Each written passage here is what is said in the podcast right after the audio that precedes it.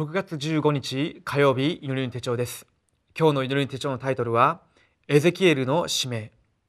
聖書の箇所はエゼキエル1章3節です。カルデア人の地のケバル川のほとりで無事の子祭司エゼキエルにはっきりと主の言葉があり主の見てが彼の上にあった。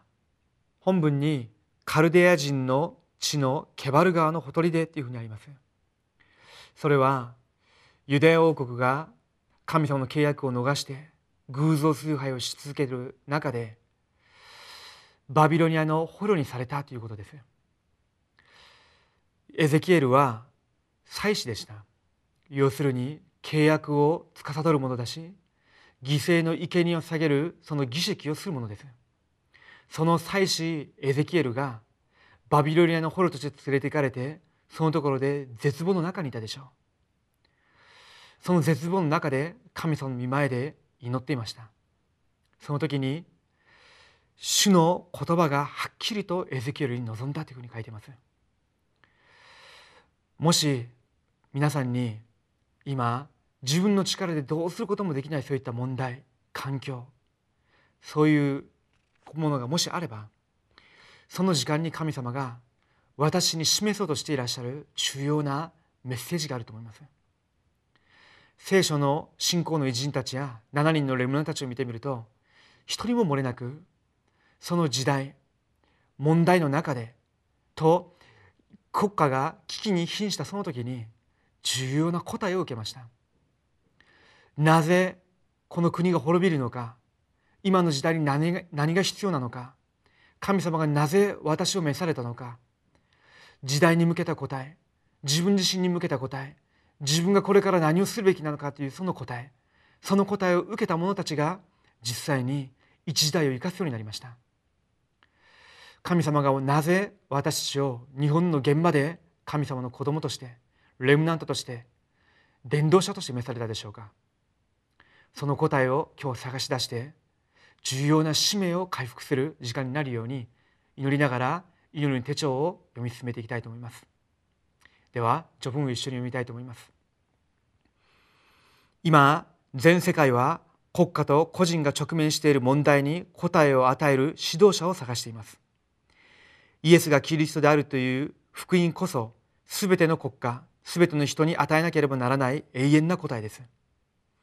この答えを持っていれば全世界の多くの人を生かすことができます。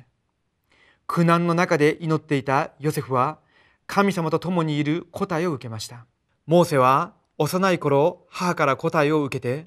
出エジプトの奇跡を起こしました。サムエルは契約の箱のそばで神様の御声を聞きました。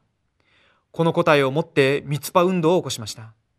ダビデは羊を飼いながら信仰と実力を備えました。エリシャは例の二つの分け前という答えをイザヤはレムナントという答えを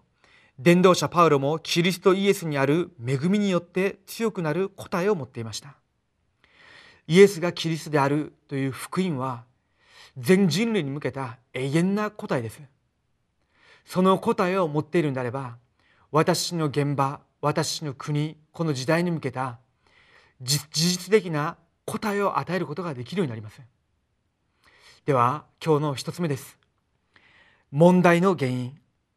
この答えがないために問題の中に陥っていますこの問題が解決できないために堕落の道へ行ってしまうのです。お酒踊りギャンブル麻薬ゲームお金の中に絶えず陥ってしまいます。何をしてもこの渇きは解決できません。ある人は全てを持っていながらも渇きが解決されないためにカルト宗教に陥ったり偶像崇拝占いシャーマニズムを追いかけていきます。なぜでしょうか？答えがないからです。未信者だけではなくて信者も答えがないのでさまよっています私が先週土曜日あるエリートの、えー、執事さんと会いました。執事さんといってもすでに教会から何年も離れた人でした。もともと本当に謙虚に信仰生活をしてきた人のようです。ですけれどもある時から自分自身にある霊的な問題が解決できなくてどこの教会に行ってもそれを埋め合わせることができないでアメリカにいる時からタロット占いであったり他の占い師のところに行って韓国に戻ってきてまた無断霊媒師のところに行って占ってもらったりしてそうしている間にうつ病になってしまいました。その人に会って話をするようになりましたけれどもその人が私と会った瞬間から泣き出しました。自分がうつ病でどれほど苦しんでるのか自分の家庭がどのようにして崩れるようになったのかその時にこの方にキリストの福音について話をして霊的な事実個人に向けた神様のメッセージそれを少し伝えるようになりました。その人が御言葉で答えを受けながら今週の日曜日共に礼拝を下げるようになったんですけれども手術の講談のメッセージを通しながらその方が100%答えを受けるようになりました。神様が生きていらっしゃって自分にこういうふうに御言葉を持って答えを与えられるんだな。そのことを経験した後今週から一緒に時間を持つようになりました。私の周りに未信者信者問わず本当に答えがなくてさまよっている人たちが多くいます。福音を持って答えを与えてとその人の霊的な問題その人に向けた答えを提示して未来を提示することができるそのような霊的な指導者が私の現場に必要です。2つ目です。御言葉の答え。エゼキエルは奴隷になっていたケバル川で神様の特別なメッセージを握りました。この時からエゼキエルに重要なことが起きました。干からびた骨のようなイスラエルのために御言葉を正しく伝えるようにと使命を受けたのです。命の御言葉が流れていくところごとに生き返りました。3つ目です。伝道者の回復。全世界は正しい福音の答えを伝える伝道者を待っています。初代教会の福音運動を正しく回復すれば世界を生かすことができます。王の王であるキリストを主人に変えなければなりません。神の国が望む時まで待たなければなりません。精霊に満たされるように祈れば力をくださると約束されました。イエス様が再臨するその時まで証人として立つようになるでしょう。この時精霊の働きが起きました。この祝福を味わった初代教会は世界を福音化しました。初代教会の弟子たちが10日間祈りに集中したその時にただ祈りに集中したというよりはキリストの契約今なぜこの時代に神の御国が望むべきなのかとそれをするために私に今必要なことが何か精霊の10万。自分自身が何のために召されたのかキリストの証人となるため世界福音化重要なメッセージを自分のものとして握って10日間祈りに専念したしましたけれどもその後エルサレムユダヤサマリア全世界を生かすようになりました。日本の福音化も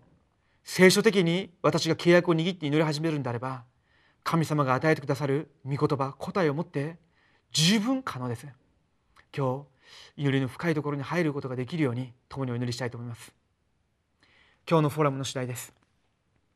一人でいる時間に福音の奥義を深く黙想して味わいましょう。お祈りします。生きておられる神様に感謝を捧げます。カルデアの地ケバル川のほとりでエゼキエルが主の見前で祈っていたその時に主の御言葉がはっきりと望んだように今日日本の現場で日本の現場に向かって自分の人生を置いて契約を握って祈る一人一人の上に主の御言葉がはっきりと望む時間になるようにしてください。その御言葉を握って祈る時間時間ごとに神の御国が現場に精霊10万が個人に望むようにしてくださり現場を生かす伝道者として歩ませてください。生きとられるイエス・キリストの皆でお祈りします。